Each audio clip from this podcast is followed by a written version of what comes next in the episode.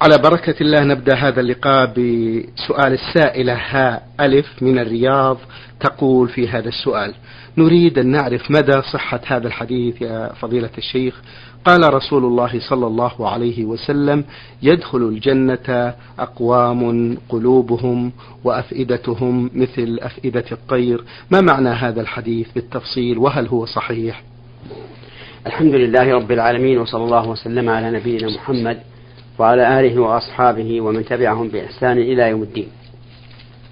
قبل أن أجيب على هذا السؤال أحب أن أنبه أنه إذا كان المتكلم بالحديث لا يدري عن صحته عن رسول الله صلى الله عليه وعلى آله وسلم فإنه لا يجزم بنسبته للرسول صلى الله عليه وسلم بل يقول ما مدى صحة ما يذكر عن النبي صلى الله عليه وسلم أو ما يروى عن النبي صلى الله عليه وعلى آله وسلم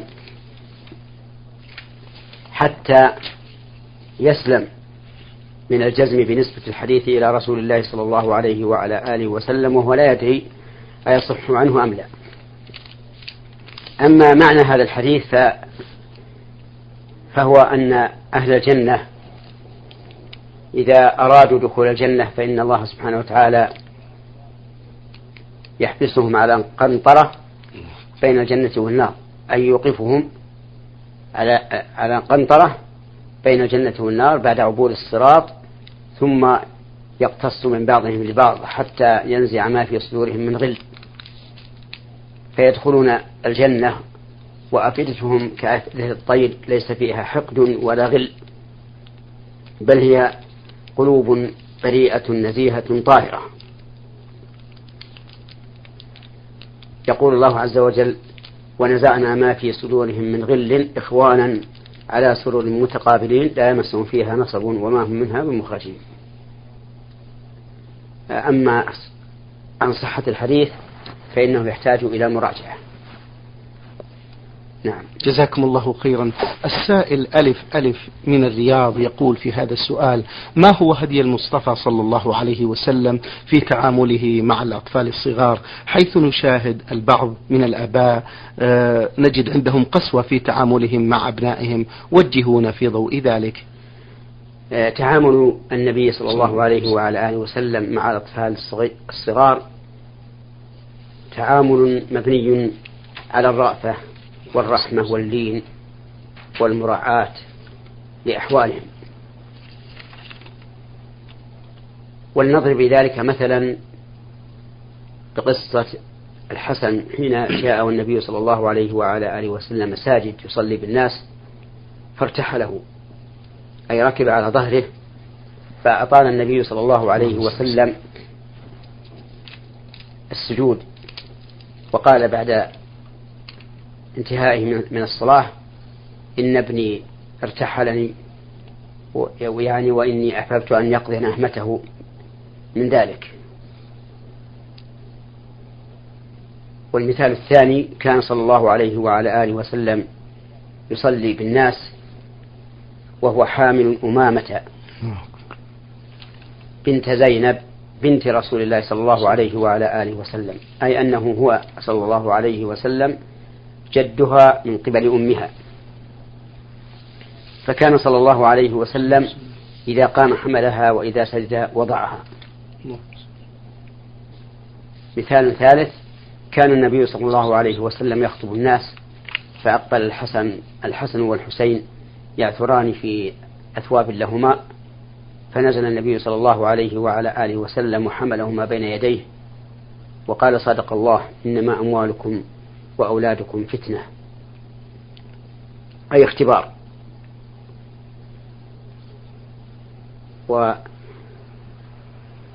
ورآه الأقرع بن حابس يقبل صبيا فقال له الأقرع إن لي عشرة من الولد لم أقبلهم أو كما قال فقال النبي صلى الله عليه وسلم. الراحمون يرحمهم الرحمن. وقال ارحموا من في الأرض يرحمكم من في السماء. وما يفعله بعض الناس من معاملة الأطفال الصغار من بنين وبنات حيث يعاملهم بالقسوة والشدة وإذا دخلوا المجلس انتهرهم. وقال اذهبوا. وربما قام فزعا من المجلس كأنما لدغ من أجل أن يحملهم ويبعدهم عن المجلس فهذه معاملة قسوة لا تنبغي إطلاقا. وإذا قال أخشى أن يحدثوا ضوضاء أو ضجة أو ما أشبه ذلك قلنا انتظر حتى يحصل هذا. وربما يروق لبعض الحاضرين أن يسمعوا الضجة والكلام الذي يحتمل من مثل هؤلاء الأطفال. فالمهم أن هدي النبي صلى الله عليه وعلى آله وسلم في معاملة الأطفال هدي رحمة ورأفة ورقة صلوات الله وسلامه عليه. نعم. جزاكم الله خيرا. هذه سائلة للبرنامج أرسل أرسلت بمجموعة من الأسئلة. أه تقول السائلة راء قاف عين في هذا السؤال. ما منزلة المرأة في الجنة مع وجود الحور العين وماذا بالنسبة لزوجها؟ وهل المرأة تصبح زوجة للشهداء؟ نعم. آه، لا شك أن الزوجات يكن مع أزواجهن في الآخرة. يقول الله عز وجل في دعاء الملائكة للمؤمنين ربنا وأدخلهم جنات عدن التي وعدتهم ومن صلح من آبائهم وأزواجهم وذرياتهم إنك أنت العزيز الحكيم. وقال تعالى والذين آمنوا واتبعتهم ذريتهم بإيمان ألحقنا بهم ذريتهم وما ألتناهم من عملهم من شيء كل امرئ بما كسب رهن آه، ولا شك أن الزوجة مع زوجها في الجنة لها مقام عظيم عالي حتى إن بعض العلماء قال في دعاء الميت وأبدلها زوجا خيرا من زوجها أن المعنى أبدلها زوجا خيرا من زوجها أي يجعل زوجها لها في الجنة خيرا من من ما هو عليه في الحياة الدنيا.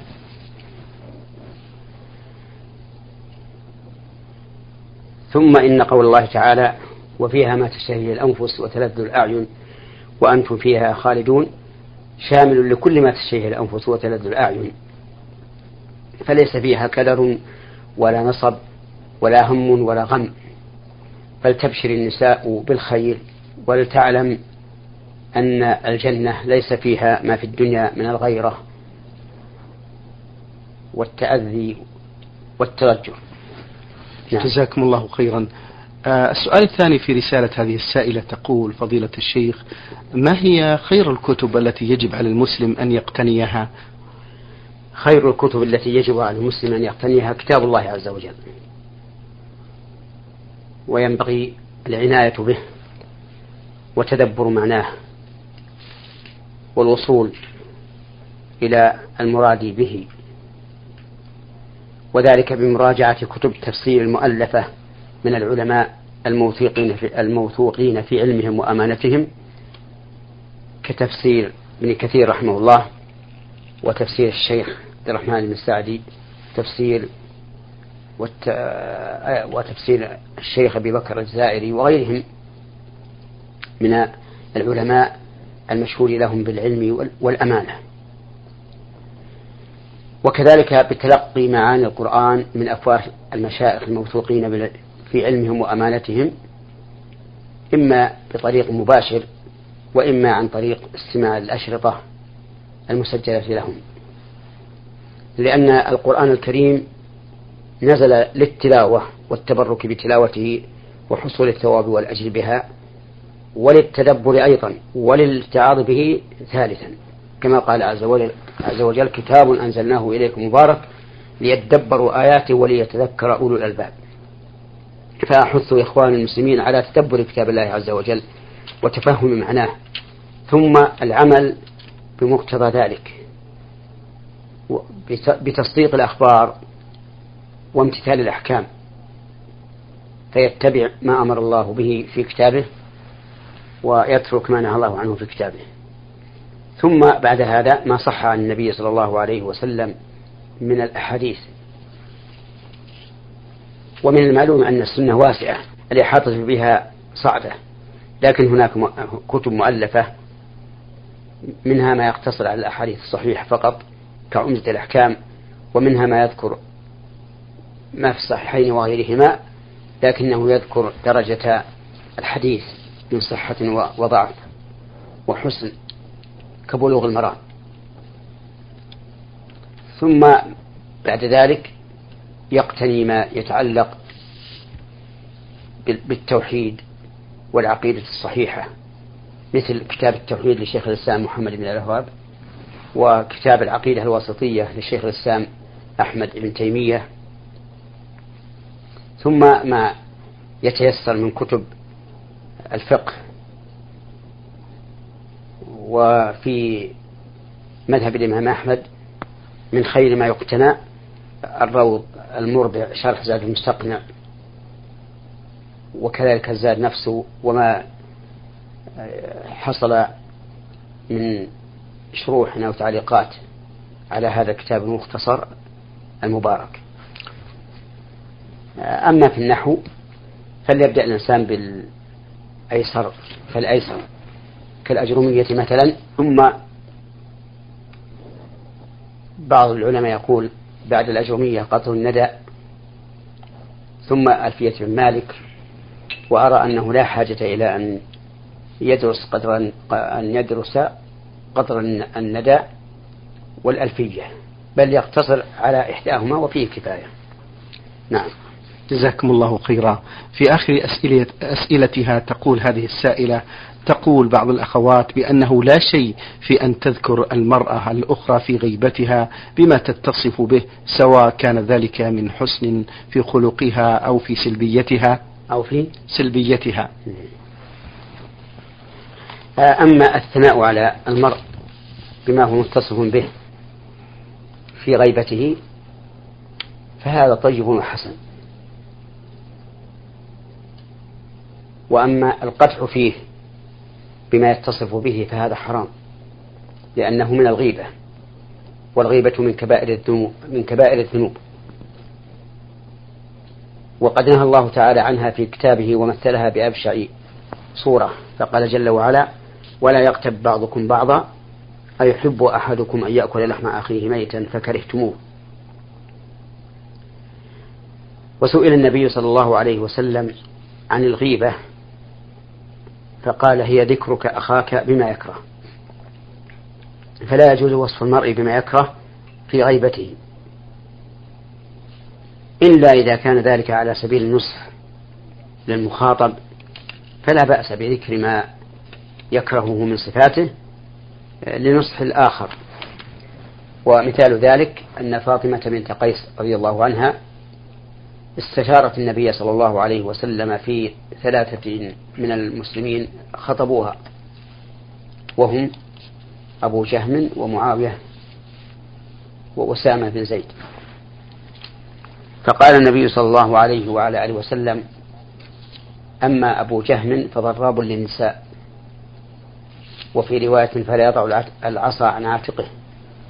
إشارة إلى كثرة ضربه للنساء وأنه يضربهن بالعصا أو إشارة إلى أنه كان كثير الأسفار لأن المسافر غالبا ولا سيما فيما سبق حيث السفر على الإبل يحمل العصا.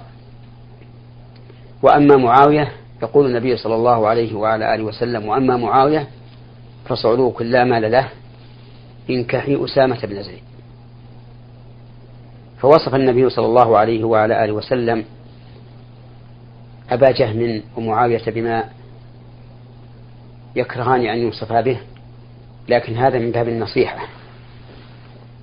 وعلى ذلك يحمل ما يوجد في تاريخ الأمم وكتب رجال الحديث من القدح بالشخص لأن ذلك من باب النصيحة لله ولكتابه ولرسوله ولأئمة المسلمين وعامتهم.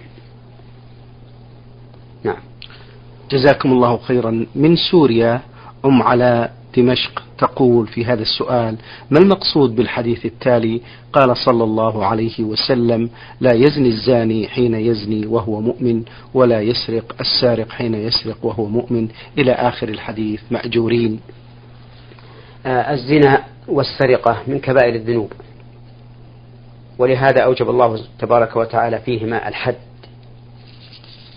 أما الزنا فإن كان الزاني لم يتزوج فإن حده أن يجلد مئة جلدة وأن ينفى عن البلد لمدة سنة. وأما إن كان محصنا وهو الذي قد تزوج وجامع زوجته في نكاح صحيح وهما بالغان عاقلان حران فإن حده أن يرجم بالحجارة حتى يموت. فالزنا والسرقة من كبائر الذنوب. وإذا كان من كبائر الذنوب فإن الإنسان لا يقدم عليهما وهو حين إقدامه عليهما مؤمن تام الإيمان. بل إن إيمانه في تلك الحال وفي تلك اللحظة إما مرتفع بالكلية وإما ناقص نقصا عظيما استحق أن يوصف الإيمان بالنفي من أجل نقصه هذا النقص العظيم. فالحديث محتمل لهذا وهذا أي محتمل لانتفاء الإيمان أصلا وذلك في اللحظة التي يقدم عليها لأنه لا يمكن لمن معه إيمان أن يقدم على هذا العمل وهو يعلم جرمه وإثمه في, الدين الإسلامي.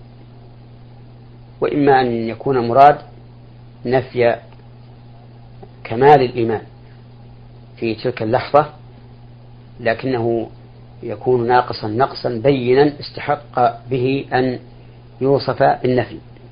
وهذا الأخير عندي أقرب وهو الذي عليه أهل السنة والجماعة والأول وإن كان محتملا لكنه قد يكون من بعض الأفراد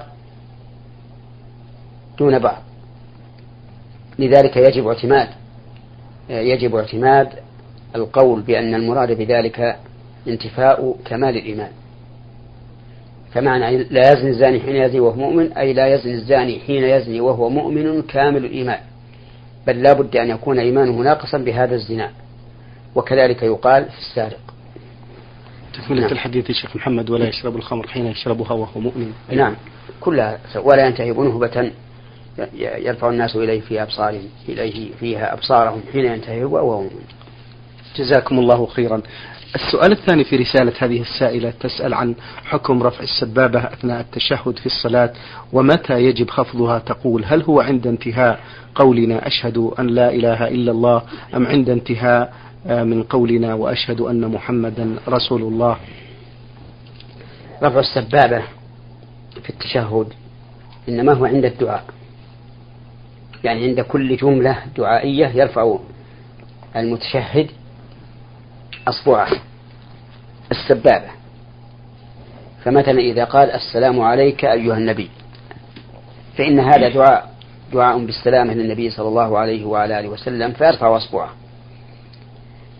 وإذا قال السلام علينا وعلى عباد الله الصالحين فهو أيضا دعاء يرفع أصبعه فيه. وإذا قال اللهم صل على محمد وعلى آل محمد فهو دعاء يرفع أصبعه فيه.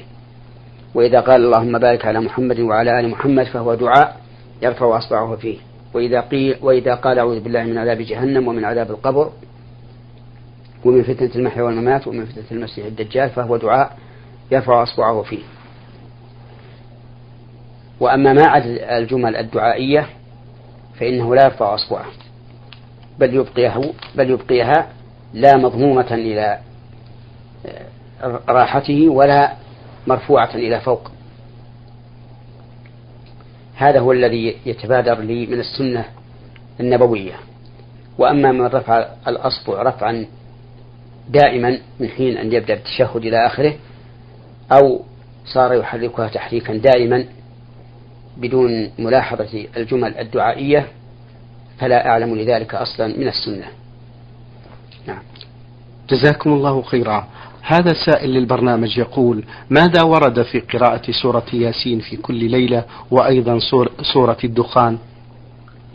لا أعلم في هذا سنة وإنما وردت السنة بقراءة سورة الملك كل ليلة. وكذلك قراءة آية الكرسي وقراءة الآيتين الأخيرتين من سورة البقرة وقراءة قل هو الله أحد والمعوذتين وأما ما ذكره السائل فلا أعلم له أصلا طيب. هل يمكن أداء كفارة اليمين بعد تأخيرها سنة أو أكثر؟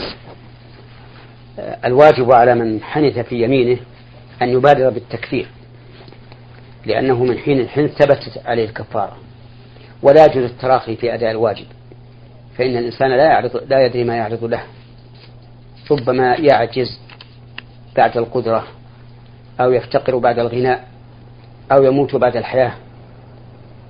والكفارة دين في الذمة. يجب عليه المبادرة بقضائه. وإذا تهاون وتكاسل أو نسي حتى مضى سنة أو سنتان فإنه يجب عليه أداء الكفارة ولو طالت المدة. لكنه يأثم بالتأخير إن أخر بلا عذر.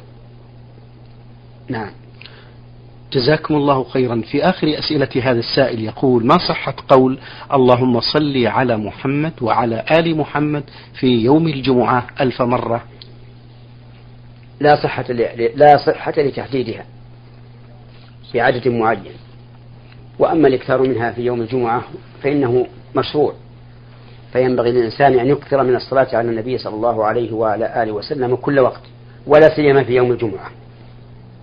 فإن من صلى عليه صلى الله عليه وسلم مرة واحدة صلى الله عليه بها عشرا نعم. جزاكم الله خيرا. هذا السائل علي حسن من جمهورية مصر العربية يقول في هذا السؤال توفي والدي وقمت بتغسيله وبعد ذلك جاء رجل من المسلمين مكلف بتغسيل الموتى فقام بتغسيل والدي. وعند التكفين وجدت جرح في يد والدي من فعل التغسيل فهل علي شيء أفعله عن هذا الجرح سواء كان صدقة أو كفارة حيث أن ضميري يعذبني على هذا الجرح الذي حدث لوالدي أثناء التغسيل. ليس عليك في هذا إثم إذا كان الجرح بغير اختيارك أو كان بفعل الغاسل الثاني. ثم ليعلم أنه إذا غسل الميت الغسل المجزئ فإنه لا يعاد مرة ثانية. ويقال لهذا الموكل بتغسيل الموتى على وجه النظام يقال له إنه قد تم تغسيله. ولا حاجة إلى إعادة الغسل. وأما فيما يتعلق بالجرح فقد علم السائل الآن أنه لا شيء عليه ولا ينبغي أن يتذكر ذلك بل يعرض عنه حتى لا يؤنبه ضميره بما ليس بمحل تأنيب. نعم. يقول السائل نحن شباب مجموعة من الشباب نصلي ونصوم ونعمل ما في وسعنا من العبادات والحمد لله. ولكن أثناء الراحة من العمل ينشأ بيننا مزاح ومزاح كثير. فما حكم ذلك مأجورين؟ أولا نسأل الله سبحانه وتعالى لهؤلاء الإخوة الثبات اللهم على ما يقومون به من عبادات وأن يجعل ذلك على الوجه الذي يرضيه وأن بأن يكون موافقا لهدي النبي صلى الله عليه وعلى آله وسلم من غير غلو ولا تقصير. ونقول على عباداتكم المشروعة فاثبتوا. وأما النزاح بعد ذلك فكثرة النزاح لا خير فيها. وقد قيل المزح في الكلام كالمدح في الطعام. لا يصح الطعام بدونه ولا يصح الطعام إذا زاد. ثم إن من الناس من من يتجانب في المسح فيذكر من الألفاظ النابية في حق إخوانه ما لا يليق وربما يصل ذلك إلى أبعد من هذا قد يكون منهم سخرية بشيء من العبادات أو بشيء من الدين وهذا خطير جدا جدا قد يؤدي إلى الكفر والعياذ بالله. فعليهم أن يمزحوا المزح المعتدل من دون مغالاة ولا نقصان. نعم. جزاكم الله خيرا. السائلة من المنطقة الجنوبية أبها لام عين ألف تقول ما حكم الاستماع للقرآن والفتاة تقرأ في أي كتاب من الكتب؟ آه هذا عمل لا, لا ينبغي ولا يرضى. فإن الله تعالى قال في كتابه ما جعل الله لرجل من قلبين في جوفه. وقال جل وعلا وإذا قرأ القرآن فاستمعوا له وأنصتوا. فإذا كانت المرأة تريد أن تطالع في كتاب آخر فإنها تغلق الاستماع إلى إلى قراءة القرآن الكريم. لئلا تقع بالإثم من حيث لا تشعر. أما إذا كانت فارغة ليس لها عمل لا عمل فكري ولا عمل بدني وأرادت أن تستمع إلى القرآن المسجل فإن ذلك لا بأس به لأنه ينفع ينفع المستمع. نعم. تقول هذه السائلة توجد لدينا معلم ولكن نعم. هنا سؤال لو مر هذا القارئ عبر المسجل بآية سجدة فهل يسجد المستمع؟ الجواب لا لسببين. السبب الأول أنه لا يشرع للمستمع أن يسجد إلا إذا سجد السامع. لأن السامع متبوع لا تابع. فإذا لم يسجد فإنه لا يسجد. وقد ذكر زيد بن ثابت رضي الله عنه أنه قرأ على النبي صلى الله عليه وسلم سورة النجم فلم يسجد فيها. والظاهر والله أعلم أن النبي صلى الله عليه وسلم لم يسجد فيها لأن زيدا وهو القارئ لم يسجد. آه، السبب الثاني أن ما يسمع عبر المسجل ليس هو الصوت المباشر للقارئ وإنما هو حكاية صوته. فلا يشرع آه، السجود حينئذ. وبقول إنه حكاية صوت وليس صوتا يتبين أن ما يفعله بعض الناس من فتح المسجل عند حلول وقت الأذان ليسمع عبر الميكروفون خطأ ولا تحصل به الكفاية لأن هذا حكاية صوت وما, وما فائدته إلا التنبيه عن دخول الوقت فقط. ومن المعلوم أن الأذان ذكر مشروع من أفضل العبادات والطاعات بل هو فرض كفاية كما هو معلوم. فلا يمكن أن يستغنى بحكاية الصوت عن صوت المؤذن المباشر. نعم. جزاكم الله خيرا. نختم هذا اللقاء بهذا السؤال للسائلة من أبها.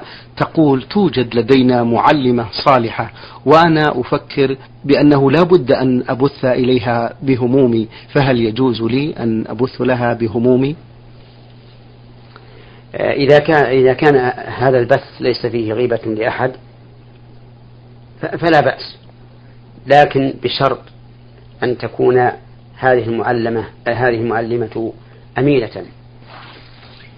تؤمن عاقبتها. لذلك نحذر إخواننا أن يفضوا إلى أحد بالسر.